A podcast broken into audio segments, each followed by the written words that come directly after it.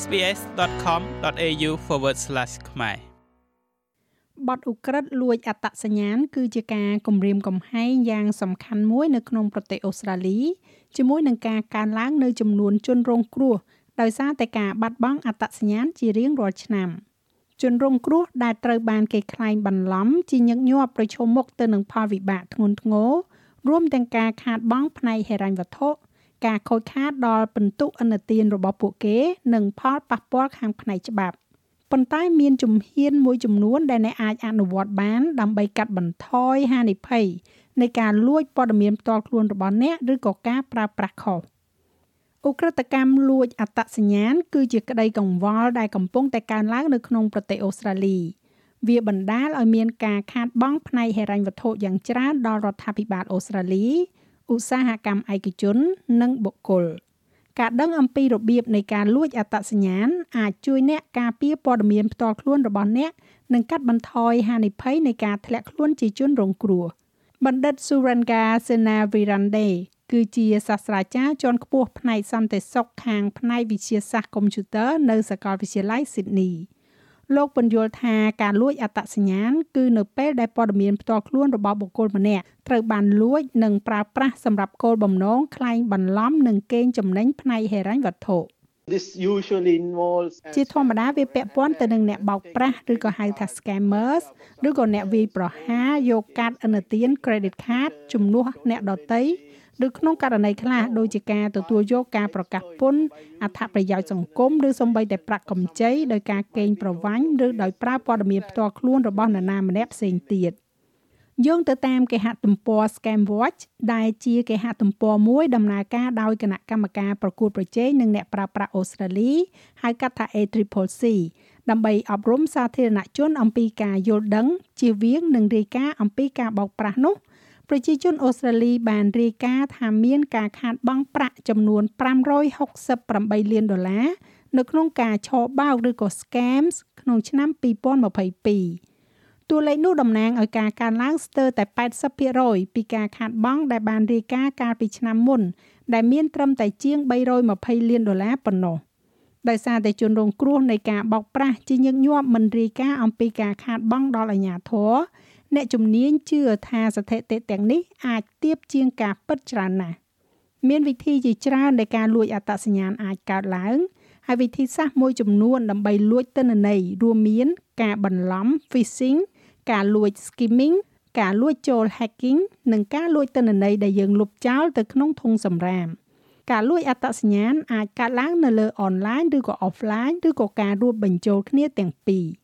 អនុប្រធាន ACCC លោកស្រី Catriona Lowe និយាយថាសូម្បីតែព័ត៌មានដែលមានតម្លៃតិចតួចក៏អាចមានប្រយោជន៍សម្រាប់អ្នកបោកប្រាស់ផងដែរនៅពេលដែលបានប្រមូលផ្ដុំវា things like your name, your address. អ្វីអ្វីដូចជាឈ្មោះរបស់អ្នកអាសយដ្ឋានរបស់អ្នកលេខទូរស័ព្ទរបស់អ្នកបើតែមួយមុខមួយមុខវាប្រហែលជាមិនអាចធ្វើអ្វីបានច្រើនទេប៉ុន្តែនៅពេលដែលវារួមបញ្ចូលគ្នាជាមួយនឹងព័ត៌មានផ្សេងទៀតពួកវាកាន់តែមានឥទ្ធិពលមានឯកសារអត្តសញ្ញាណដែលត្រូវបានស្វែងរកជាពិសេសដូច្នេះអ្វីដែលត្រូវប្រុងប្រយ័ត្នជាពិសេសនោះគឺបានបើកបរលិខិតឆ្លងដែននិងកាត Medicare ប៉ុន្តែសូម្បីតែឯកសារសាមញ្ញសាមញ្ញដូចជាវិក័យប័ត្រចាស់ចាស់ឬក៏របាយការណ៍ធនាគារនៅតែអាចផ្ដល់ព័ត៌មានដ៏មានតម្លៃមួយចំនួនផងដែរក្រុមអ្នកបោកប្រាស់ឬក៏ scammers ប្រហែលជាអាចស្វែងយល់ព័ត៌មានបន្ថែមអំពីអ្នកពីប្រភពសាធារណៈបណ្ឌិត Lowe និយាយថានេះរួមបញ្ចូលទាំងគណនីប្រព័ន្ធផ្សព្វផ្សាយសង្គមដែលអាចបង្ហាញនៅរូបថតនិងព័ត៌មានអំពីគ្រួសាររបស់អ្នក We hear of instances where scammers យើងឮអំពីករណីដែលក្រុម scammers អាចប្រើប្រាស់រូបថតពីព័ត៌មានប្រព័ន្ធផ្សព្វផ្សាយសង្គមឬព័ត៌មានលម្អិតផ្សេងទៀតដែលអ្នកប្រើប្រាស់ដើម្បីបង្កើតរូបភាពប្រសិនបើអ្នកចូលចិត្តលេងរូបភាពคล้ายៗដែលអ្នកបោកប្រាស់កំពុងតែបង្កើតនោះដូច្នេះជាថ្មីម្ដងទៀតសារគឺថា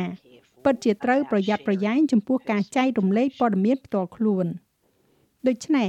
តើអ ுக ្រិតជនតាមអ៊ីនធឺណិតអាចធ្វើអ្វីបានខ្លះនៅពេលដែលពួកគេមានព័ត៌មានទាំងនេះបណ្ឌិត Lowe និយាយថានេះគឺអាស្រ័យទៅលើគុណភាព និងបរិមាណនៃព័ត៌មានផ្ទាល់ខ្លួនដែលក្រុមអ្នកបោកប្រាស់បានប្រមូលចងក្រងឡើងមក they might access and drain your own bank account ពួកគេអាចចូលប្រើប្រាស់និងដកប្រាក់ពីគណនីធនាគារផ្ទាល់ខ្លួនរបស់អ្នក ពួកគេអាចបើកគណនីធនាគារថ្មីនៅក្នុងឈ្មោះរបស់អ្នកឬក៏សុំប្រាក់កម្ចីឬក៏ប្រាក់ឥណទាន line of credit ឡាក់ពួកគេអាចទិញគម្រោងទូរស័ព្ទដៃឬក៏កិច្ចសន្យាផ្សេងទៀតពួកគេអាចស្វែងរកការទិញទំនិញថ្លៃៗនៅក្នុងឈ្មោះរបស់អ្នកចូលប្រើប្រាស់សេវាកម្មរដ្ឋាភិបាលតាមអ៊ីនធឺណិតព្យាយាមចូលប្រើអ៊ីមែលរបស់អ្នកដើម្បីទទួលបានព័ត៌មានរសើបកាន់តែច្រើនពួកគេអាចចូលប្រើគណនីប្រព័ន្ធផ្សព្វផ្សាយសង្គមរបស់អ្នកហើយខ្លែងបន្លំជាអ្នក ឬក៏ពួកគេប្រហែលជាប្រើប្រាស់អត្តសញ្ញាណនោះជាមូលដ្ឋានគ្រឹះនៃការបោកប្រាស់ឬក៏ scam ថ្មីថ្មីទៀតដុកទ័រ Lowy ណែនាំឲ្យគិតម្ដងហើយម្ដងទៀតនៅមុនពេលបញ្ចូលព័ត៌មានលម្អិតផ្ទាល់ខ្លួនរបស់អ្នកទៅក្នុងគេហទំព័រដែលមិនធ្លាប់ស្គាល់រួមទាំងហាងលក់ទំនិញតាមអនឡាញផងដែរ Don't open suspicious texts. កុំបើកមើលសារឬក៏អ៊ីមែលដែលគួរឲ្យសង្ស័យហើយកុំចុចលើតំណភ្ជាប់ឬក៏ link នៅក្នុងអ៊ីមែលទាំងនោះ លុបអ៊ីមែលឬក៏សារនោះចោលប្រសិនបើអ្នកត្រូវបានគេតាក់ទងពីអង្គភាពមួយហើយបើអ្នកឆ្ងល់ថាតើវាស្របច្បាប់ឬអត់នោះចូលកុំប្រើព័ត៌មានលម្អិតនៅក្នុងសារឬក៏អ៊ីមែលនោះត្រូវផ្ទៀងផ្ទាត់ព័ត៌មានលម្អិតអំពីទំនាក់ទំនងរបស់អង្គភាពនោះដាច់ដោយឡែកដោយឯករាជ្យ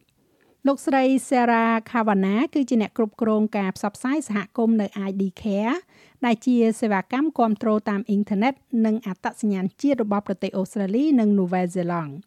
លោកស្រីណែនាំឲ្យប្រុងប្រយ័ត្នចំពោះទូរស័ព្ទដែលហៅចូលមកហើយសួររកព័ត៌មានផ្ទាល់ខ្លួនរបស់អ្នក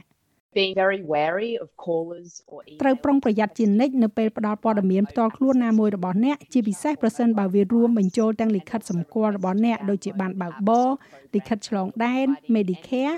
ឬក៏ព័ត៌មានលម្អិតអំពីការចូលទៅប្រើប្រាស់គណនីធនាគាររបស់អ្នក អ្នកត្រូវធ្វើឲ្យប្រកាសជាក់ច្បាស់ថាអ្នកបានផ្ទៀងផ្ទាត់រួចហើយថាបុគ្គលនោះគឺពិតជាមនុស្សដែលពួកគេនិយាយថាពួកគេជានរណា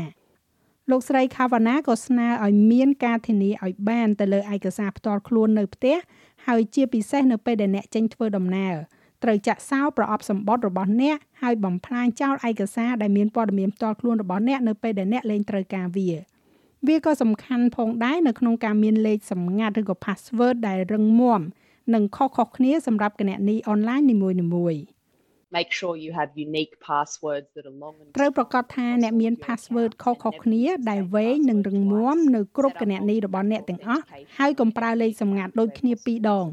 ដំឡើងការផ្ទៀងផ្ទាត់ multi-factor authentication នៅលើគណនីមួយមួយតាមដែលអាចធ្វើទៅបាន ដូច្នេះរួមបញ្ចូលគណនីហិរញ្ញវត្ថុរបស់អ្នកគណនីប្រព័ន្ធផ្សព្វផ្សាយសង្គមរបស់អ្នកនិងគណនីអ៊ីមែលរបស់អ្នកប៉ុន្តែតើអ្នកអាចដឹងដោយរបៀបណា ថាតើអត្តសញ្ញាណរបស់អ្នកត្រូវបានគេលួចឬក៏អត់នោះជនរងគ្រោះនៃការលួចអត្តសញ្ញាណភាគច្រើនមិនដឹងពីរបៀបដែលពួកគេត្រូវបានសម្របសម្រួលនោះទេលោកស្រី Kavana និយាយថាវាគឺជារឿងសំខាន់នៅក្នុងការប្រុងប្រយ័ត្នជាប់ជានិច្ចនិងរកមើលសញ្ញានៃអត្តសញ្ញាណរបស់អ្នកដែលត្រូវបានប្រើប្រាស់ខុសទំនង mail stops arriving at their address that they may be សម្បត្តិដែលអាចថាពួកគេរំពឹងរង់ចាំឈប់ផ្ញើមកអាសយដ្ឋានរបស់ពួកគេទៀតមានរបស់លេចឡើងនៅលើរបាយការណ៍ធនាគារឬក៏របាយការណ៍ credit card របស់ពួកគេដែលពួកគេមិនបានអនុញ្ញាតឬក៏មិនបានដឹងបុគ្គលម្នាក់ម្នាក់អាចចាប់ផ្ដើមទទួលបាននៅវិក័យប័ត្រឬក៏បង្កាន់ដៃសម្រាប់ទិញទំនិញឬក៏សេវាកម្មដែលពួកគេមិនបានដឹង ឬក៏ភ្លាមភ្លាមស្រាប់តែមានដំណើរការនៃការស្នើសុំប្រាក់កម្ចីវាត្រូវបានបដិសេធដោយសារតែការវាយតម្លៃឥណទានមិនល្អបើទោះបីជាបុគ្គលនោះមិនមានការផ្លាស់ប្ដូរអវិជ្ជមាននៅក្នុងស្ថានភាពហិរញ្ញវត្ថុរបស់ពួកគេក៏ដោយលោកស្រីក៏ផ្ដល់អនុសាសន៍ឲ្យតាក់ទងទៅខាង ID Care ប្រសិនបើអ្នកសង្ស័យថាអត្តសញ្ញាណរបស់អ្នកត្រូវបានគេលួចអ្នកផ្ដល់ប្រឹក្សានឹងណែនាំអ្នកជាជំហានជំហានអំពីអ្វីដែលអ្នកត្រូវធ្វើ លោកស្រី Kavana ពន្យល់ថាវាក៏សំខាន់ផងដែរនៅក្នុងការតាក់ទងទៅស្ថាប័នពាក់ព័ន្ធភ្លាមភ្លាមហើយពិនិត្យមើលព័ត៌មានលម្អិតអំពីគណនីអនឡាញរបស់អ្នក you want to go in and reset all your អ្នកចង់ចូលទៅហើយបង្កើតឡើងវិញនៅលេខសម្ងាត់និងលេខសម្គាល់ទាំងអស់របស់អ្នកនៅលើគណនីរបស់អ្នកហើយបើកការផ្ទៀងផ្ទាត់ multi factor authentication ដែលអ្នកអាចធ្វើទៅបាន ហើយបន្ទាប់មកពិនិត្យរកមើលការផ្លាស់ប្ដូរនៅក្នុងព័ត៌មានលម្អិតដែលគេភ្ជាប់ទៅគណនីទាំងនោះប្រសិនបើអ្នកជឿថាអ្នកគឺជាជនរងគ្រោះនៃការក្លែងបន្លំអត្តសញ្ញាណអ្នកអាចដាក់សំណើស្នើទៅក្រុមហ៊ុនរាយការណ៍ឥណទានដើម្បីដាក់បំរាមទៅលើរបាយការណ៍ឥណទានអ្នកប្រើប្រាស់របស់អ្នក លោក Andrew Grant គឺជាសាស្ត្រាចារ្យជាន់ខ្ពស់ផ្នែកវិន័យហិរញ្ញវត្ថុនៅសាកលវិទ្យាល័យ Sydney ពន្យល់ពីការហាម5ឥណទានឬហៅថា credit bans ដែលបង្ការកុំឲ្យអ្នកផ្ដល់ឥណទានចូលពិនិត្យមើលឬក៏ចូលប្រើប្រាស់របាយការណ៍ឥណទាន credit report របស់អ្នកលោកមានប្រសាសន៍ថាការដាក់ពាក្យស្នើសុំ credit ban គឺសាមញ្ញហើយវាពាក់ព័ន្ធទៅនឹងការបំពេញពាក្យសុំតាមអនឡាញជាមួយនឹងស្ថាប័នរាយការណ៍ឥណទានទាំង3នៅក្នុងប្រទេសអូស្ត្រាលីដែលរួមមាន Equifax, Experian និង Allianz ការលួចអត្តសញ្ញាណអាចកើតឡើងចំពោះនរណាម្នាក់ទោះបីជាពួកគេបានធ្វើការប្រុងប្រយ័ត្នជាខ្លាំងក៏ដោយលោកបណ្ឌិត Grant ខ្លួនឯងផ្ទាល់គឺជាជនរងគ្រោះនៃការលួចអត្តសញ្ញាណនៅពេលលោកទៅបរទេសលោកស្ថិតនៅសហរដ្ឋអាមេរិកនៅពេលដែលលោកត្រូវបានគេលួចដាក់ថ្នាំចូលក្នុងស្រា ហើយទូរស័ព្ទ smartphone របស់លោកត្រូវបានដោះសោតាមរយៈការសម្គាល់ផ្ទៃមុខឬក៏ហៅថា facial recognition My phone has face recognition to ទូរស័ព្ទរបស់ខ្ញុំមានមុខងារសម្គាល់មុខដើម្បីដោះសោប៉ុន្តែនៅពេលដែលអ្នកអសមត្ថភាពដោយសារការគេដាក់ថ្នាំចូលទៅក្នុងស្រា វាពិតជាងាយស្រួលសម្រាប់ពួកគេនៅក្នុងការចូលប្រើទូរស័ព្ទរបស់អ្នកហើយនៅពេលដែលពួកគេអាចចូលទៅក្នុងទូរស័ព្ទដៃរបស់អ្នកបានហើយពួកគេអាចចូលទៅក្នុងកម្មវិធី app ធនាគាររបស់អ្នកពួកគេអាចស្វែងរកព័ត៌មានផ្ទាល់ខ្លួនជាច្រើនតាមរយៈ email របស់អ្នក Dr. Lowy និង Scamwatch ណែនាំឲ្យមានការប្រុងប្រយ័ត្នបន្ថែមទៀត Scammers are becoming ក្រុមអ្នកបោកប្រាស់កាន់តែឆ្លាតទៅឆ្លាតទៅ យើងសូមឲ្យមនុស្សចងចាំនៅពាក្យគន្លឹះ3យ៉ាងឈប់គិតការពារ stop think protect ដូច្នេះឈប់ហើយគិតថាតើខ្ញុំពិតជាដឹងថា អ្នកណានៅផ្នែកម្ខាងទៀតនៃប្រតិបត្តិការនេះនឹងការពារប្រសិនបើអ្នកមានការព្រួយបារម្ភថាអ្នកអាចជាជនរងគ្រោះនៃការបោកប្រាស់ សូមតាក់ទងទៅ ID Care និងធនាគាររបស់អ្នកហើយរាយការណ៍បញ្ហានេះទៅ Scam Watch ចាស់ឲ្យរបាយការណ៍នេះចងក្រងឡើងដោយ Chiara Pazano និងប្រាយសម្រួលសម្រាប់ការផ្សាយរបស់ SBS ខ្មែរដោយនាងខ្ញុំហៃសុផារ៉ានីចូលចិត្តអ្វីដែលអ្នកស្ដាប់នេះទេ Subscribe SBS ខ្មែរនៅលើ Podcast Player ដែលលោកអ្នកចូលចិត្ត